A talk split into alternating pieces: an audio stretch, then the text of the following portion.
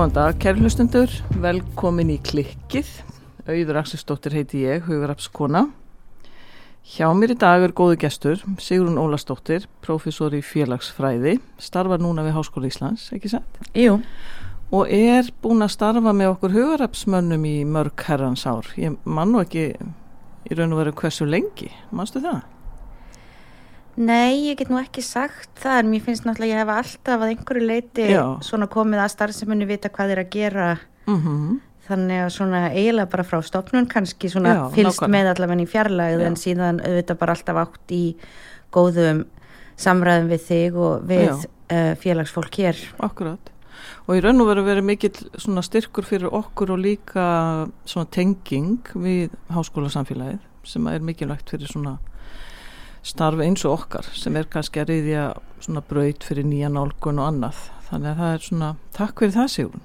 Já, bara takk sem er leiðis og uh, við höfum náttúrulega notið mjög góðs að því. Bæði hef ég verið hér með erlendanemundur sem hafa komið í gegnum námitt í bandaríkjum sem hafa fengið að koma hér í heimsókn. Og það hefur opnað þeirra augu virkilega. Mm og svo hafið þið alltaf komið inn í þegar ég kenni geðhelsu félagsfræðina í Háskóla Íslands. Og það er auðvitað bara mjög svona öðruvísi kannski já reynsla fyrir nefndurnar því að það er eitt að ég standi og tali um geðran vandamál og ég tala um fordóma og ég tala um sjúkdómsvæðingu en síðan fyrir þau að fá þá reynslu að auðvitað tala við þig sem uh, fagaðila Já. en sérstaklega heyra stögur notenda er alltaf Reynslufólks, já. reynslufólk er er það sem að hefur mest áhrif og þau tala mest um í Já. lok annar Mm Gaman að heyra það.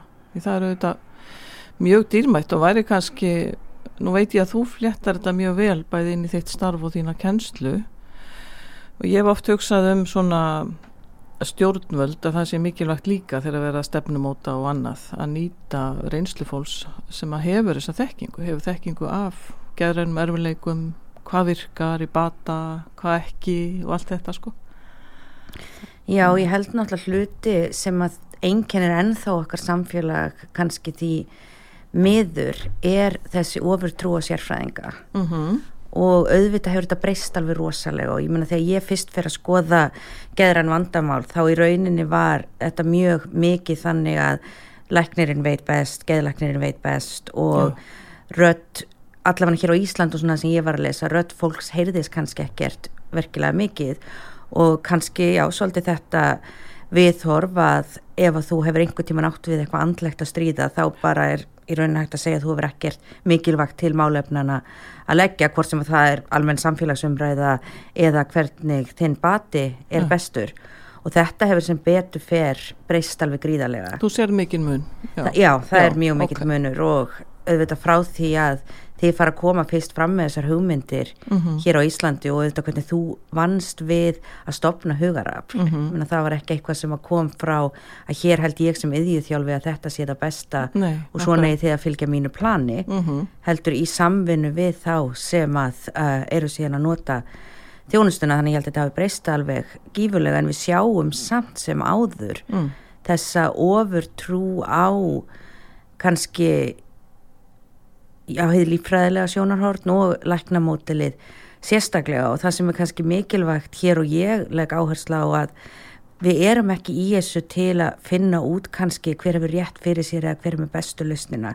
Heldur skiptir mál að finna hvað virkar fyrir mismunandi einstaklinga og fyrir suma getur það verið læknisfræðilega mótilið og fara inn í það kerfi og það er bara mjög fínt Já. fyrir aðra gæti að vera í sálfræði meðferð Mhm. aðri þurfa kannski eitthvað annað og eins og hér náttúrulega sem þið leggið áherslu á valdeflinguna og vinna í eigin bata Já. og í rauninni finnst mér að var mikilvægt að gefa þessum sjónarhortnum jafn hátt undir höfði og líka að oft er kannski lausnin í því að flétta þetta saman á einhvern hátt Akkurat, akkurat.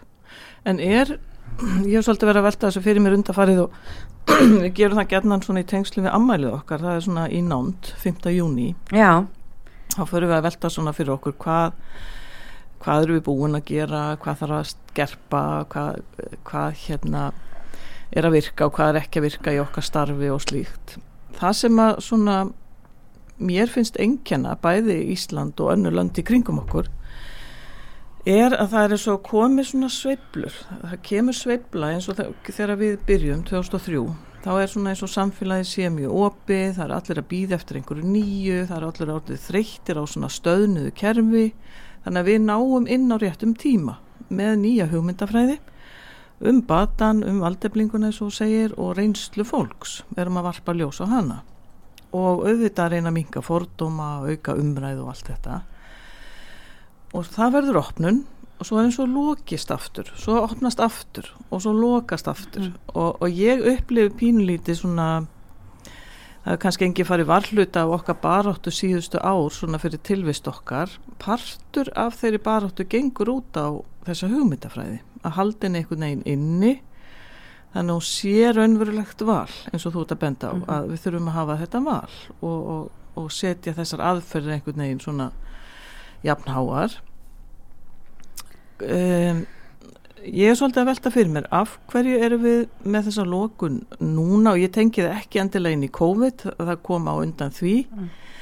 Um, erum við hvað ætlið að sé sem veldur því að við erum erfitt með að standa með svona nýjum leiðum er þetta erfið spurning? Er, er hérna nú skuttla þessu til því? Þetta er mjög stór spurning og þetta er náttúrulega spurning sem að við kannski veldum mikið fyrir okkur sem félagsfræðingar ekki bara varðandi þetta heldur bara varðandi samfélagið í heild og ég held að við sjáum þetta náttúrulega oft og sjáum þetta kannski sérstaklega varðandi eins og mannréttinda baráttu sem mm -hmm. ég mhm. myndi setja þetta undir að það er svona soldið eins og við förum í ringi Já, að við sjáum að það er einhver árangur sem að næst og þá þetta hefur verið kallað í fræðunum að það verður ákveð bakslag Já. og við erum alltaf svona kannski við komist tvö skrif áfram en svo fyrir eitt tilbaka mm -hmm. og kannski erum við ánaðið að bara eitt tilbaka því við erum þá alltaf komin á einhvern ákveðin stað og að vissu leiti þá eins og segir þá er þetta alltaf kannski einhverju leiti um að það er á einhverjum ákveðin tímapunkti sem samfélagið er tilbúið fyrir einhverja ákveðina breytingar mm. við erum orðin svona leið og það gerist eitthvað en síðan auðvitað verðum við að hugsa og ég meina eins og félagsfræðingar náttúrulega tala oft um að og við sjáum það kannski ekki en félagsfræðingar náttúrulega tala um hvernig veröldin er félagslega sköpuð Já. og í rauninni allt varðandi okkar samfélag hvað við erum sem manneskjur, hvað við erum sem samfélag, hvernig við hugsaum um heiminn var á einhverjum tímapunkti skapað af einhverjum ákveðnum aðilum mm -hmm. þannig að það er ekkit náttúru lögmál til dæmis hvernig við eigum að sinna heilbreyðistjónustu, hverjir það eru sem koma að henni og þetta ávið um allar stofnarnir samfélags og okkar samskipti þannig að auðvitað þegar þú hugsa um hverjir eru það síðan sem að hafa í rauninni þá valdi til að skapa heimin og til að skapa kerfin okkar mm -hmm. þá hafa það auðvitað í gegnum tíðina verið þeir sem hafa meiri völd í samfélaginu ja. og þar náttúrulega sjáum við kannski í allavega lengi vel inn á 20. stöldina og auðvitað svona er það ennþá kannski það valdakerfi sem við höfum er að og sérstaklega læknastjættinar, ég meina læknar voru meir og minna allt hvítur auðugir gagginniði kallum en allavega það sem var, var þetta ráðandi sjónarhórn mm -hmm. og þá kemur svolítið kannski þessi hugsun að við vitum best. Og uh, við sjáum þetta og ég veit að við ætlum að koma sjúkdómsvæðingu hér á eftir. Já. en ég menna við sjáum þetta mjög skýrt til dæmis varðandi sjúkdómsvæðinguna. Þar sem að var ofta eitthvað sem að kannski passaði ekki inn í þá heimsmynd eða mm -hmm. hvernig þeim leið var gerðnar á að vera sjúkdómsvægt heldur en annað. Já og þarna náttúrulega kemur í aftur að við erum að tala um völd, við erum að tala um að þín heimsmynd í raunin hafi fengið að ráða og auðvitað er eðlilegt að slikt kerfi sem að er búið að vera við líði í áratugi og jafnvel ár hundruði sem er tilfællum að það bregðist við og það vilja ekki gefa algjörlega upp völdin. Já. Þannig að stundum náttúrulega ómarta svolítið að því að við erum með það sem ég myndi segja svona þessa fallu hugsun og kannski þessa réttu hugsun mm -hmm þó að sé náttúrulega enginn kannski rétt hugsun Nei. að auðvitað eigum við bara að hafa mismunandi möguleika við eigum og á endanum það eina sem skiptir máli er hvort að fólki sé að líða betur og hvort það sé að ná bata Akkurat. en auðvitað eru gífulegir hagsmunir í kerfinu, það er ekkert hægt að neyta því og það er að hluta til þessir hagsmunir sem er að berjast um, tilbaka að halda sínum völdum Já. en það er líka kannski svolítil þessi hugsun að við höfum alltaf gert þetta svona mm -hmm. þetta hefur virkað og við heldum þetta að halda áfram að virka svona og þið er að taka hlut af okkar lögsögu og við sjáum Já. það í gegnum læknavísindin ekki bara varðandi geðhelbreyðismál heldur almennt að það er alltaf verið að berjum ákveðna, berjast um ákveðna lögsögu, það er verið að berjast um ákveðna sem að margir kannski sjá sem heildar köku þar sem að þýðir hreinlega að ef það kemur eitthvað nýtt og er að fá part af þessari köku þá er sneiðin okkar að minga. Ég velta einmitt oft fyrir mér að, að að því bæði upplifið það sjálf persónlega ef að ég er að reyna að reyðja braut fyrir einhver nýju eins og umræðu um livjamál, við getum kannski tekið það á eftir eða hugararp sem er að berjast fyrir nýri nálgun, bara almennt varðandi geðhelpiðsmál það fjalla líkum fjármagn Já. og eins og þú segir fjármagn og völd og það er óeðlilega líti fjármagn sett í svona óheðbundna leiðir eins og okkur og þar að leiðandi verður þetta svona svolítið eins og berjast við vindmilur stundum. Og, og ég veld oft fyrir mér bæði styrk kervisins og þá er ég að tala í raun og veru um heilbríðskerfi, kannski félagskerfi líka að það vill ekki láta gaggrína sig, ef við getum sagt sem svo, þú veist, það verður svona gríðarlega vörn og það verður kuldi og jáfnveil kemur það niður á þeim sem að leita þjónustu, það, ég, mér finnst ég sjá það stundum að, að hérna að vörnin er það mikil einhvern veginn. En, en hvert ætla ég nú með þetta? Ég var svona velta fyrir mér bara að vörnin er stundum þessi annarkort svo litið lókun aftur eða þöggun kannski að tala ekki um viðkvæm mál eins og lífjamál eða lækmisvæðilega mótelið mm. veist, og þá þá er svona rödd notandans getur svona druknað svolítið í því sem er svolítið synd sko að því við þurfum á henn að halda en, en hérna þannig að það er einleið líka að, að annarkort að viðhalda þessari lókun eða litla fjármagni. Mm -hmm. en, en mér langar samt að láta að fylgja að það þarf líka kjarkaða pólitíkusa til að stíga aðeins út úr þessum, þessum vana eins og þú varst að tala um áðan. Og, og hérna að þetta hefur alltaf verið svona. Við höfum bara trúum á stopnarnir og trúum á sérfræðinga og annað. En sem betur fyrir það að breytast. En, en þannig að þegar við erum að gera samning fyrir tæpun tveimur árum síðan þá er það svona pólitíkus finnst mér sem að stígur út fyrir. Er ekki að hlusta á þetta hefðbundna og segir ég vil hafa opið kerfi, ég vil hafa valdeblinguna, ég vil hafa unga fólki og aðstandendur. Veist, þannig að það er, maður, við erum líka svolítið mikið háð því að hafa pólitíkus sem þorir að taka svona ákvörðun. Já, ég held að sé bæðum að þóra taka slíka ákvörðun mm en líka kannski einhverju leiti að vera ekki alveg átta sig á grundvallamununum í hugmyndafræðinni mm -hmm. á milli kannski þess sem við getum talað um sem læknisfræðilega mótilið eða hvernig félagsfræðing hugsaður um þetta og kannski svona almennt en líka þá þessi hugmyndafræði valdeflingar mm -hmm. og eitt sem ég auðvitað sé og ef við hugsaum um til dæns kerfið núna og hvernig það er, það hefur líka breyst mjög mikið Já og ég held að stórum hluta út af ykkar starfi sem að þeir byrjuðuð 2003 mm -hmm. að ég meina það er komið núna inn í kerfið ég meina til dæmis mikilvægi þess eða auki mikilvægi að hafa sálfræðinga í grunnþjónustunni. Uh, það er komið pláss fyrir notendur sem að sannilega var mhm, ekki. Mm -hmm. Þannig að og ég held að mjög margir trúi því innan kerfisins til dæmis að þeir séu að vinna eftir valdeflingu Já en til dæmis bara svona eitt sem að, eða kannski tvent svona sem að tengist þessu svolítið er að innan kerfisins eins og það er það eru ekki allir jafnir innan kerfisins og það er ekki öll sjónarhört jöfn innan Nei. kerfisins, þannig að það er ekki jú þessar hugmyndra að vera teknar inn mm. það eru rálitnar kannski mikilvægur og mismikilvægar af mismunandi aðilum en við erum samt ennþá í þessu gamla kannski svona valda píramíta Já þar sem að það er ekkert hægt að neyta því sama hvað hver segir að læknastjættin er á toppnu varðandi skilgreiningar og meðferð. Já. Þeir eru þeir sem hafa ennþá valdið og það var til dæmis áhugavert og kannski eitthvað sem ég þurfti að skoða aftur en það var eitt aðeins sem að kom til dæmis fram í doktorsreitgerinu minni Já.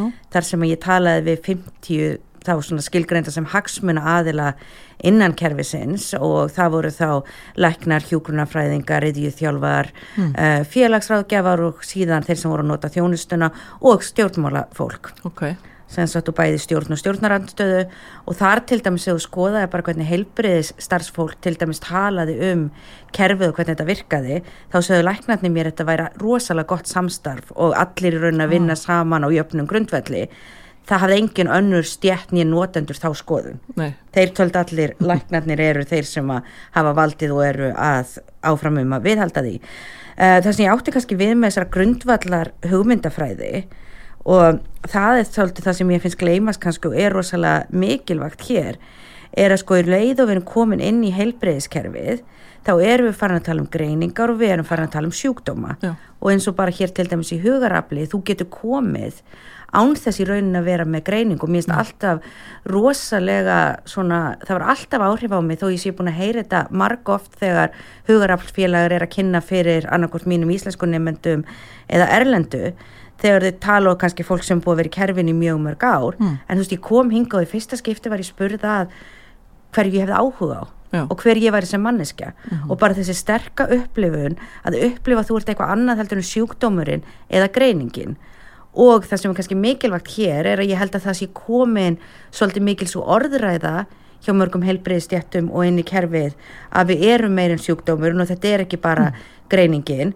En einhvern veginn sko hvort að það sé ekki í, í sumun tilfellum meira á orði heldur en borði að það sé síðan ekki kannski það sem er raunverulega gerist. Og við vitum það að um leið og það er þú ert hér að því að þú ert veikur þú ert hér að því að þú ert með þann sjúkdóm þá fer mjög margt í þjónustinu og þínum bata að snúast um það frekar heldur en bara hvernig þú ert að ná að lifa í samfélaginu með þínum andlu erfileikum og það eru þetta kemur líka ná þennan grundvallar punkt um hvar erum við að draga línuna á milli þess hva, og náttúrulega kannski nota kannski þessi gömlu orða einhverju leiti hver er geðveikur og hver er það ekki Já. sem er náttúrulega umræða sem byrjuði félagsfræðinni og geðlæknisfræðinni uh, bara á 5. og 7. áratug síðustu aldar Já. en síðan líka þetta eins og ég hugsa til dæmis um bara andlega heilsu að því mér finnst betra að tala um andlega heilsu eða geðheilsu heldur en eitthvað vandamál að við erum öll á einhverjum skala þar Akkurat, það er ekkert einhvern veginn þannig að það séu bara þeir sem eru með sjúkdóm og síðan allir hinn er bara í lægi akkurat. Heldur erum við öll og þurfum öll að vinna í okkar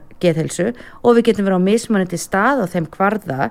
Ég get verið í mjög langan tíma kannski bara með mjög góða geðhelsu og svo gerist eitthvað eitthvað áfall eða eitthvað sem kemur fyrir og ég fer í verulega og oft tímabundna erfileika en um leið og við erum búin að setja þessa greiningu á frekar heldur en að þetta sé kannski bara þú veist að takast á eitthvað virkilega erfitt og það bara gerist í ákveðin tíma þá ertu komin niður í sjúkdómar þú ert komin áherslu á greininguna en ekki að vinna úr þessum erfileikum og lifa með þeim.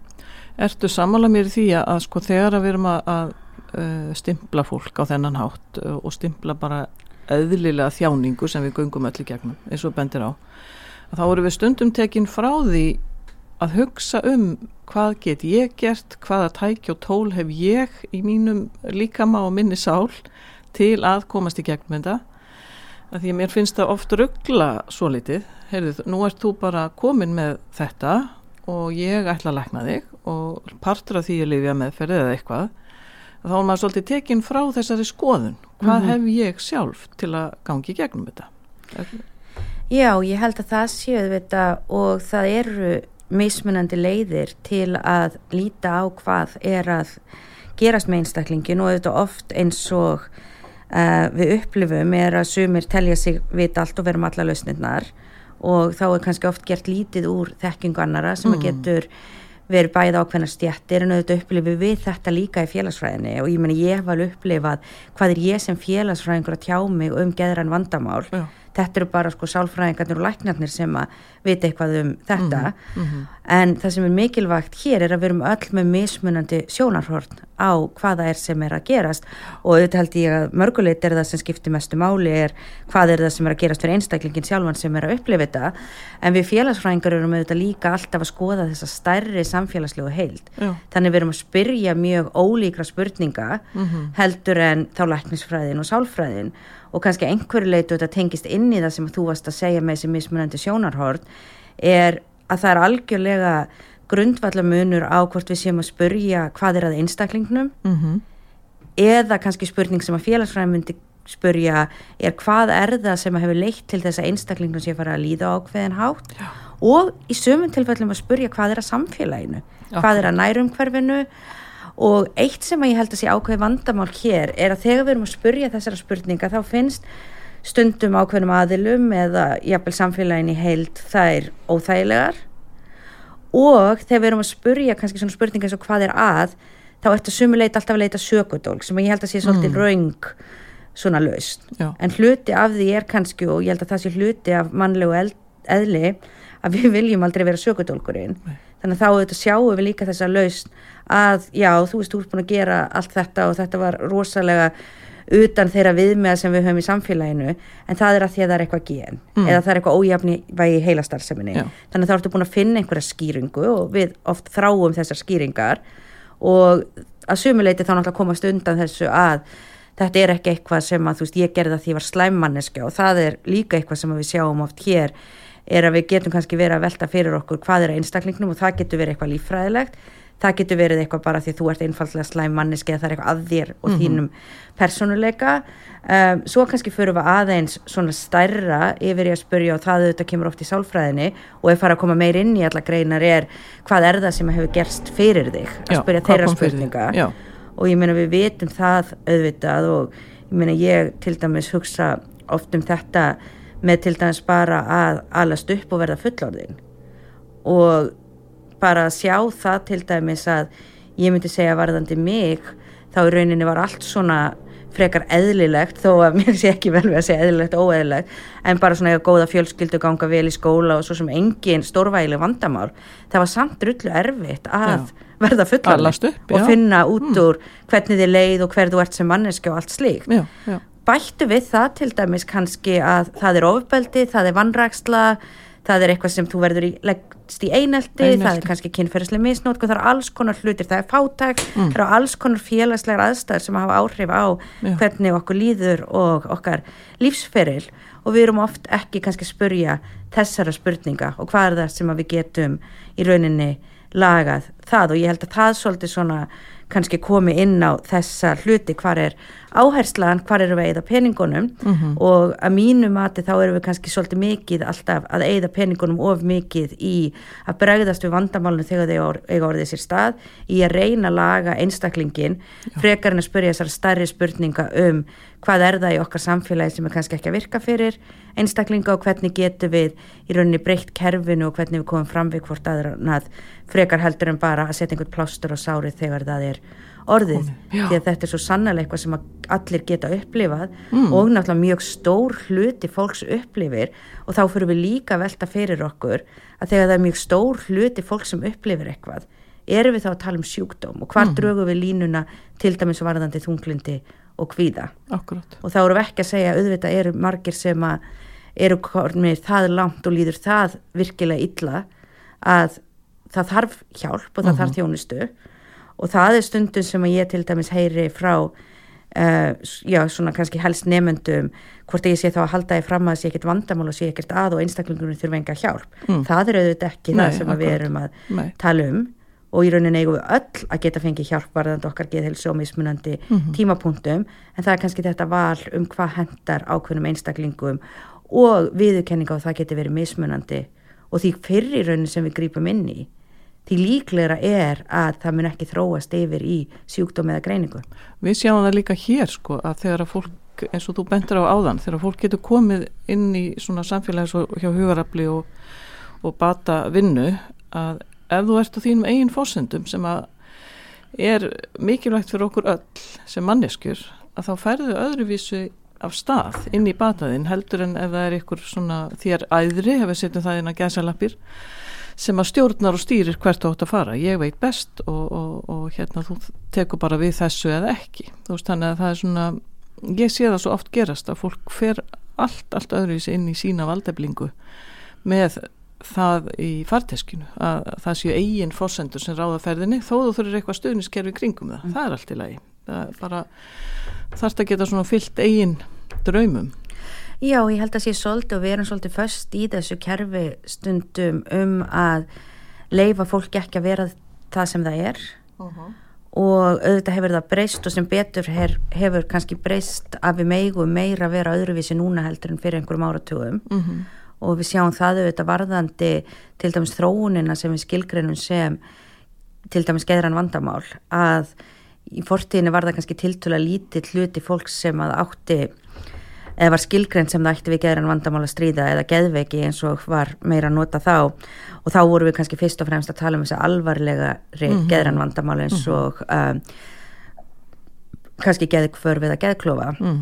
og núni í rauninni bæði sem er bæði jákvæmt og neikvæmt hefur skilgreiningin rauninu aukist miklu, miklu meira fara að fara undir þessa reglíf en að samaskap eins og sér að vinna í sér og sínum eigin forsendum, það fyrir líka svolítið í sem við auðvitað sjáum að við erum sem samfélag alltaf að skilgrina hver eðlilegt og óeðlilegt Nákvæmlega, og þú fellur fyrir utan þennan kassa já.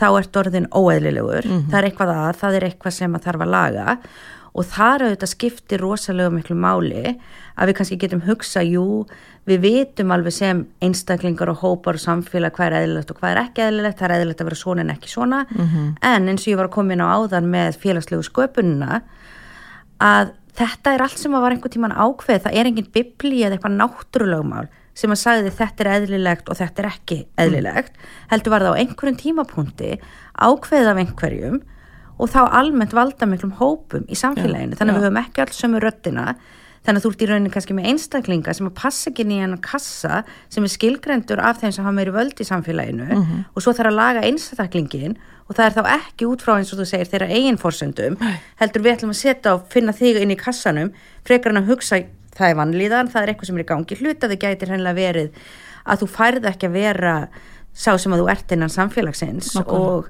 við sjáum það til dæmis oft og rannsóknir í félagsfræði til dæmis sem er að skoða mun á til dæmis þeim sem eru samkynneigður og gagkynneigður mm -hmm. og við sjáum og sérstaklega með til dæmis samkynneigða unglinga að þar, og þetta eru rannsóknir í bandaríkjum sem er að vitni, mm. þar sjáum við oft hærri bara tíðinni andlegra vannlíðunar og við sjáum líka hærri tíðinni sjálfsvíga og þá þetta getum við hugsa fyrir okkur hvað er það sem skýrir það Já. er það það að þú hefur áhuga á að vera með sama kín eða gagstæðu kín, er það eitthvað sem skiptir máli svona á grundvallar basis eða er það því að samfélagið er að segja okkur vegum að vera á einhvern ákveðin há mm -hmm. og þér eru rauninni sagt kannski eins og hefur verið og sem betur fer hefur breyst mikið í hinn vestrana heimi og breyst mjög mikið hér á Íslandi við erum náttúrulega leiðum svolítið uh, varðandi þetta Já. en að þá að vera sagt í rauninni kannski frá barnasku þegar þú ferð að finna að þú sem að átt að vera skotin í stelpunum bara ert miklu skotin í strákunum mm -hmm.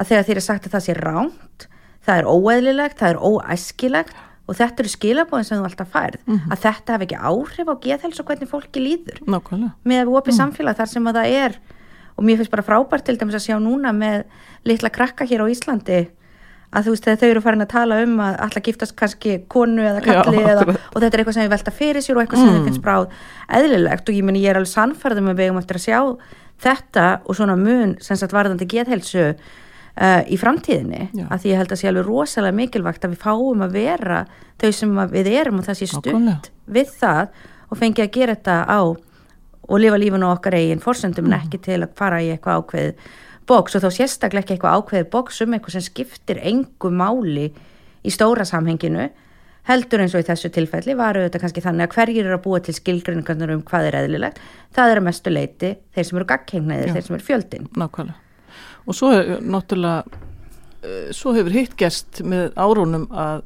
sjúkdómaflokkarnir ef við tökum bara geðhilsuna þeim fjölkar alltaf Já. og það er verið að setja inn svona tiltúlega eðlega tilfinningar undir eitthvað eins og þú segir eitthvað óeðlegt og komið undir sjúkdómaflokk og þá er svo auðvilt að fara að nota líf sem er líka á hverju valdatæki og ég veldi fyrir mér svona ef við förum aðeins inn í daginn í dag og, og hérna kannski bara þess vegna á okkar, hérna, inn á okkar land. Eh, hvað telur þú með svona sjúkdómsvæðinguna? Eh, eh, heldur að, að við þurfum að hafa ágjur af því að við förum að sjúkdómsvæða það sem við erum að gangi gegnum núna? Óttan, áhyggjurnar, jável deburðina kvíðan, þú veist sem að allir gangi gegnum út af heimsfaraldri. Er, er er ekki svo litil hægt á því að við förum að setja þetta inn í einhverja flokka til að stýra fólki í raun og veru? Jú, ég held að og ég held að sé alltaf hægt á því að, og við hefum auðvitað bara eftir að sjá það en ég, meni, ég held að við séum nú þegar að sjá það sem hluta að umræðinni Mhm. og það er auðvitað mjög gott að vissu leiti auðvitað mjög gott að við séum farin að hafa þá umræðu að það sé líklegt að þetta hafi áhrif á andlega heilsu fólks Mhm. en við erum rosalega fljót almennt að fara í að þetta hefur áhrif á andlega heilsu fólks og að það þurfi þá að leita sér hjálpar Já.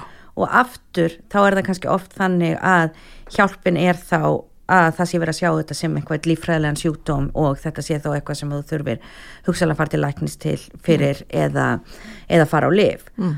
og þessir tímar sem við lifum á núna eru náttúrulega eins og við höfum náttúrulega margóft sagt fordæmalausir Já. um, en þetta er einhvern veginn svo stórt að það er mjög erfitt og ég hef nú sagt það til dæmis nokkru sinnum, þetta er það stórt að við erum ekki ennþá held ég að ná algjörlega um hvað þetta þýðir. Þetta er eitthvað sem ég held að enginn okkar hefði trúað til dæmis bara í janúar Mm, mm. að því því er alveg sagt ákveðni hlutir. Ég með einhver hefði sagt við mig til dæmis mánuði fyrir hrun já það eftir að koma rosalega efnahagskreppa og það er kannski einhver eftir að missa húsin sín. Mm. það er ennþá innan þess ramma sem við þekkjum. Og ég hef kannski verið svona já, jú, jú, það getur alveg verið en ef einhver hefði farið að segja við erum eftir að umbylta okkar samfélagi þar sem að öll samskipti breytast þar sem við erum öll meir og minna ein heima þar sem allt skólagstarf er komið á netið og þetta er ekki bara á Íslandi, þetta er út um allan heim. Og bara til dæmis að trúa því og þetta er það mjög óþægilegt líka kannski að komast ekki á landinu. Já. og uh, að það sé bara ein flugvél á dag til dæmis, þetta er bara einhver veruleiki sem við getum ekki ímyndað okkur. Og aftur það að það er alltaf mikilvægt að huga þeim sem að kannski eru veikari fyrir að einhverju leiti þó að mér líki ekki sérlega vel að nota þessu orða að vera veikari fyrir eða sterkari Nei. en kannski þeim sem að líður illa eða eru kannski að glíma eitthvað við, auðvitað viljum við fyrst kannski hugsa svona að því hvernig það hefur áhrif á þá og auðvitað eins og þið hafi gert hér Mm. með því að færa starfsemina hér í fjarfundi og Já. breyti í raunin ekki þjónustinni Akkurat. það er auðvitað það fyrsta sem við viljum hugsa um að Já. þeir sem eru í þjónustu á einhverjum tímapunkti að þetta geti haft sérlega slæm áhrif Mhm. á til dæmis þá að vera alltaf einir heima eða slíkt en ég held að sé líka bara mjög óeðlilegt að hugsa ekki þetta hefur áhrif á hvernig okkur öllum líður Já.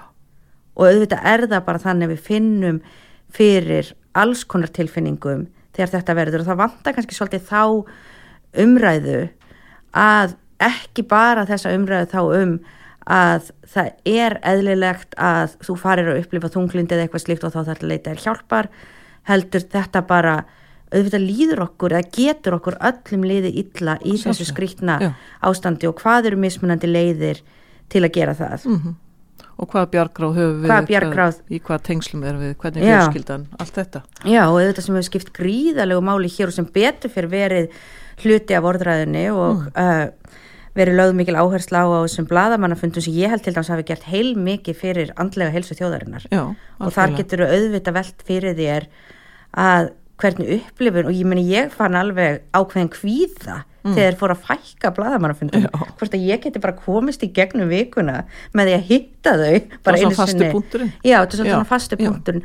Og þetta er náttúrulega búið að vera alveg einstaklega vel gert uh, varðandi að við erum að fá sömu skilabóðin það er verið að jú taka á alls konar hlutum og auðvitað sagt að það geti við vitum ekki allt, við erum í við erum á tímum óvissu Mhm. þannig að þær upplýsingar sem þau hafi í dag gætu verið orðnar úreldar eða rángar eftir tíu daga en svona þessi trú að við séum í rauninni allavega að vinna eftir og fá þær bestu upplýsingar sem eru sem sagt til á hverjum tíma og ég til að þetta hafi dreigið verulega úr kvíða hjá mörgum uh, hér.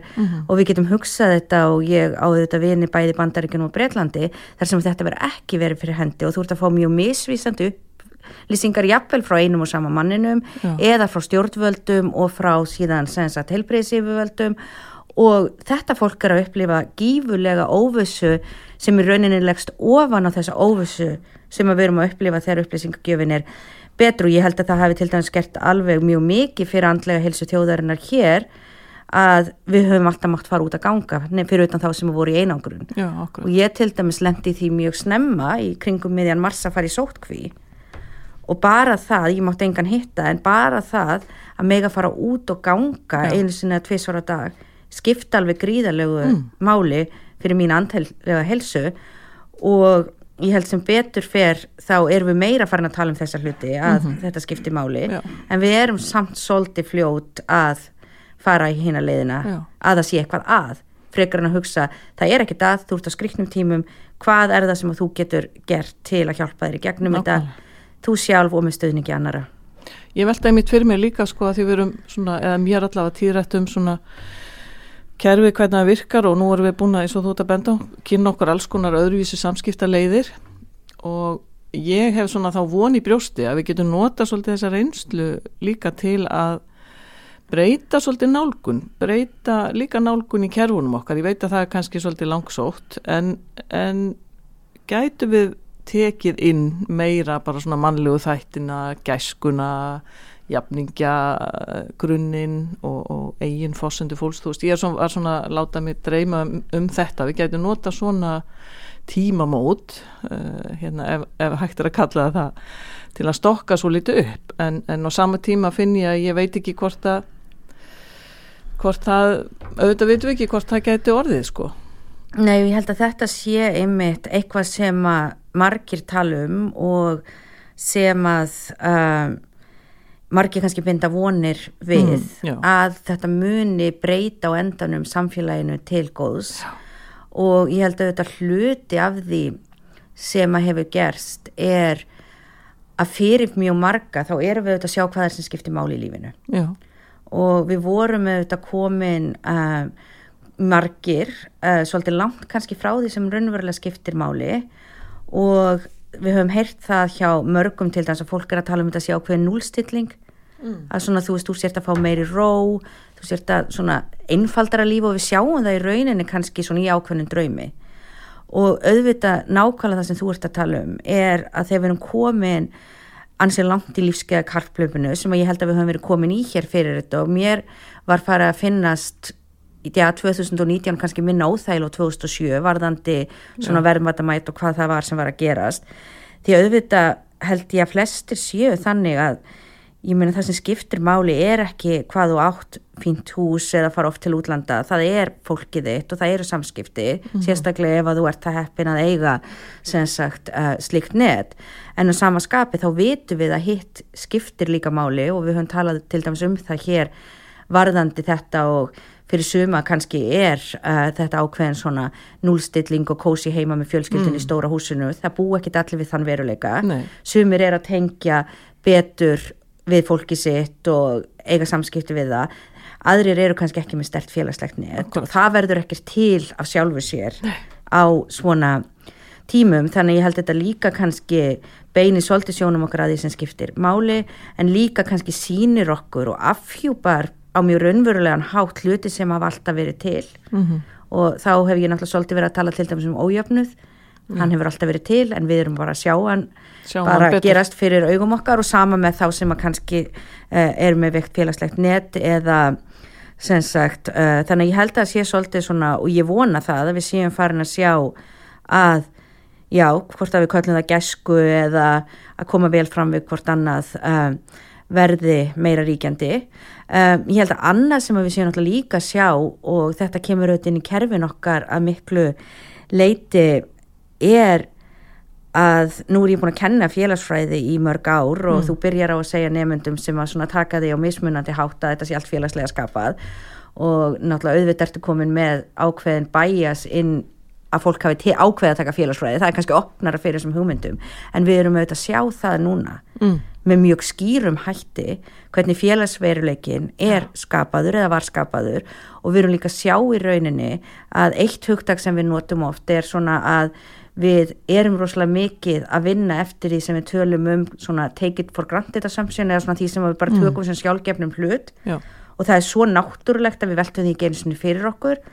Og oft tökum við ekki eftir þessum hlutum fyrir það er eitthvað sem að semst sýnir okkur fram á og þeir eru ekki að virka Já. við erum að brjóta kannski viðmiða lögmálið á einhvern ákveðin hátt og þetta er náttúrulega bara allt búið að vera að gerast Mhm. þannig að allt sem að við erum kannski búin að trúa um hvernig kerfin þurfa að virka, hvernig þau eiga að virka hvernig þjónust á að virka hefur verið brotið upp vegna aðstæðna og þar eru þetta sérlega áhugavert oft og kannski sorglegt og þetta hefur til dæmis verið talað um þetta og hún hefur til dæmis komið um, í fjölumilum og hún kom reynda líki námskeið hjá mér um ójöfnu hún Freyja Haralds. Já, að til dæmis að tala um það að margt sem að kannski fallar hafa verið að berjast fyrir í mörg mörg ár og verið að spurja og þá oft erfiðra spurninga eins og þið kannski spyrjið líka erfiða spurninga fyrir kerfiða af hverju er þetta ekki hægt og þá er þetta í rauninni bara talvan segja nei Já. þetta er ekki hægt en auðvitað eins og hún hefur bent á og fleiri að um leið og þetta er farið að eiga við um stóran hluta fólks og ég tala nú kannski ekki um fólk sem hefur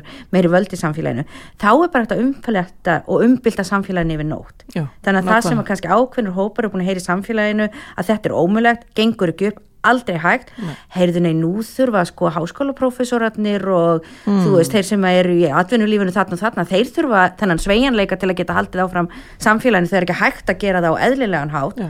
og þá, eins og við höfum sínt hér á Íslandi bara geta ótrúlega hlutir gerst Já. yfir nótt, þannig ég held að sé bæði þetta kannski að sína okkur hvað skiptir máli í lífinu Mhm. en líka þetta að við getum breytt miklu meira heldur en að við kannski höldum og þetta höfum við gert það í gegnum tíðina. Já, en þetta er kannski svona í fyrsta skipti hér þar sem við erum að sjá þetta bara kannski nöysinlegt á rosalega stuttum tíma og það er náttúrulega afhjúpar rosalega margt í samfélaginu. Já, akkurat. Og kemur, við komum auðvitað ymmislegt og þú ert með fyrirlestar núna um, um félagsfræðina á tímum COVID-19 Já. Og það er hvað, einu sinni viku?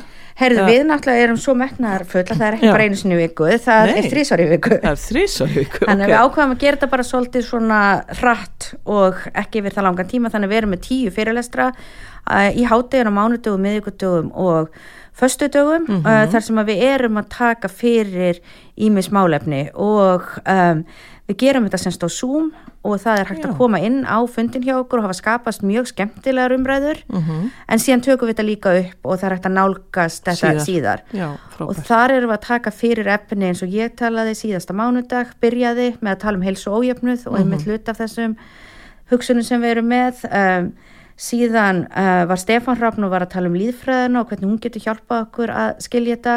Uh, Arnar Egert er núna klukkan 12 að tala um tónlist og dægurmenningu. Já, og svo förum við að tala um eins og kynja hlutverk, að vera heima, fjárvinnu, íþróttirnar. Og auðvitað náttúrulega verðum við svolítið að hugsa með okkur að ég held að sumuleiti eins og félagsfræðin á við um allt, þá geðhils okkar við um allt. Já. og ég held í rauninni að þó að við séum ekki með einn ákveðin sem sagt, eh, þar sem við fókusa á geðhelsu uh, þá náttúrulega skiptir það máli varðandi alla þessa þætti, að vera í fjárvinnu að vera alltaf heima, hvernig er þetta áhrif á okkur en líka kannski hlutur og eins og það sem er vera að fjallum í dag að kannski ekki fyrir alla en fyrir mjög marga, til dæmis bara hvernig upplýsingafundinir aftur hafa skipt Akkúrat. máli en líka þetta eins og hvernig uh, hafa verið að koma með efni inn á sjónvarpin frá um, frá leikúsunum til dæmis, frá sinfoníu hljómsveitina geta farið klukkan, hafa getið farið klukkan 11 á mótnana og hlustað á einhverja í hörpunni. Akkurat heima með helga sem að margir voru nú að hlusta á. Uh, þannig að líka þetta kannski eitthvað sem að við oft svona myndum telja af hverju við eitthvað að skoða þetta og skiptir þetta einhverju verulegu máli.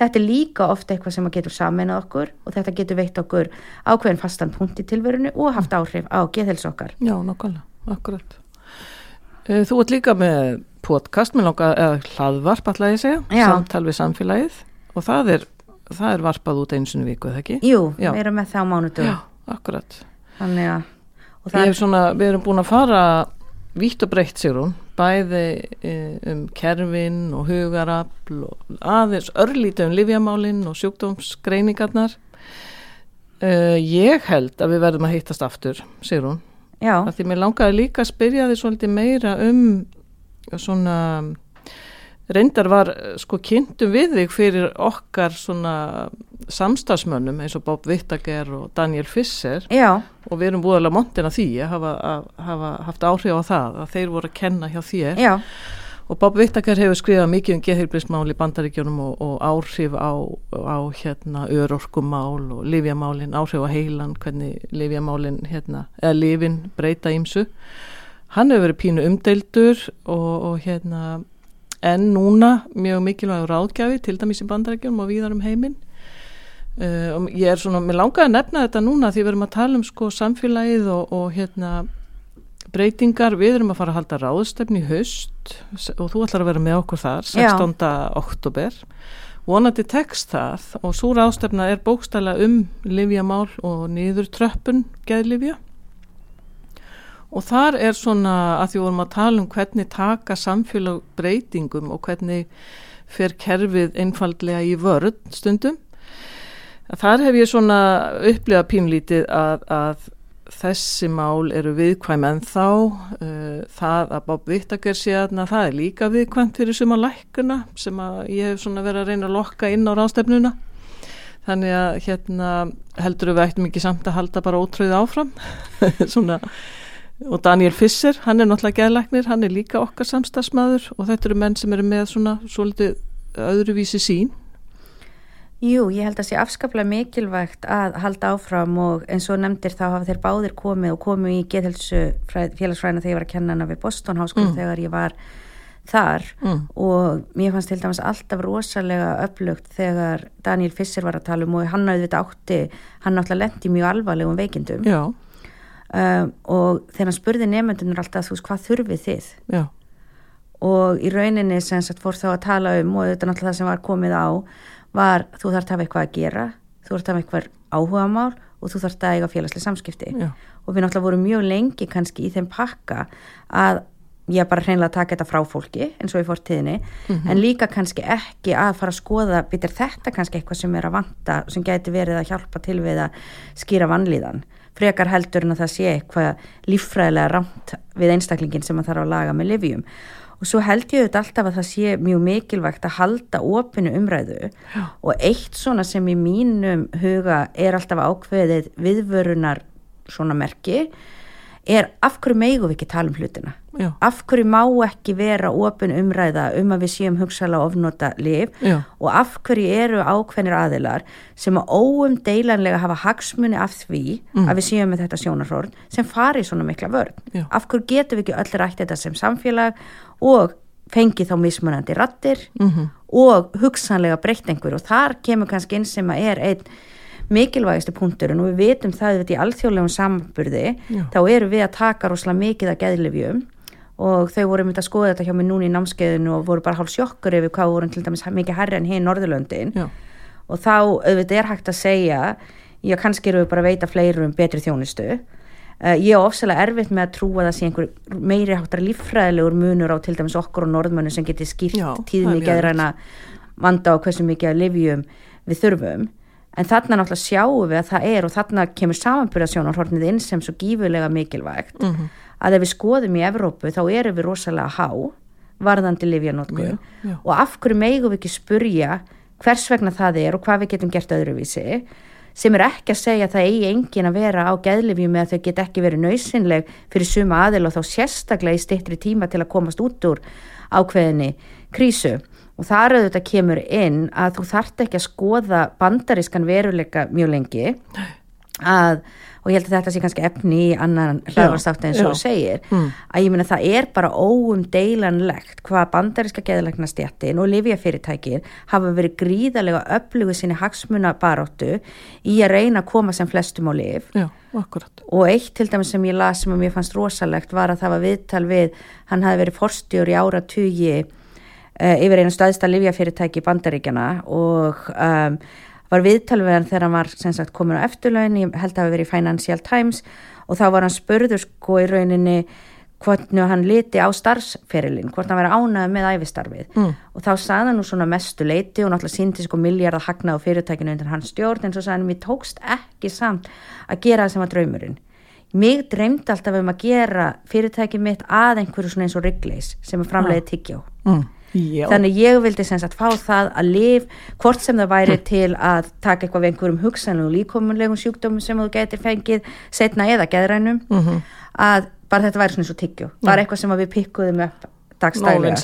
og þar sjáum við náttúrulega líka að hafa verið gaggjert verið að gera þetta að marka setja líf til dæmis ekki þannig að þau séu að ná kannski til þess eins, tveggja, þryggja eða fjóra prósenta sem raunverulegar þarf á þeim að halda en þannig að það geti allir upplifaðir þurfa lífjónum að halda og að þeim líði svona.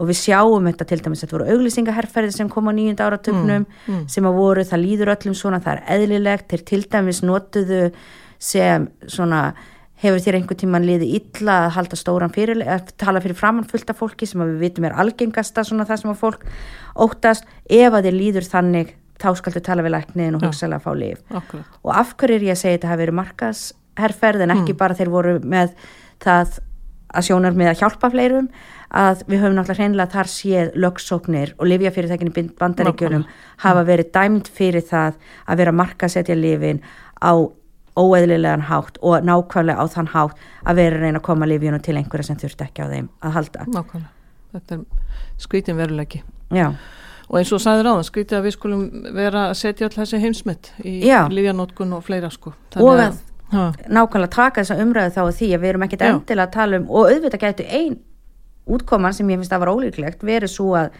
við erum bara á réttum stað. Uh en grundvallar hlutin er af hverju megum við ekki eiga þessu umræðu opna? Af hverju megum við ekki spyrja þessa spurninga?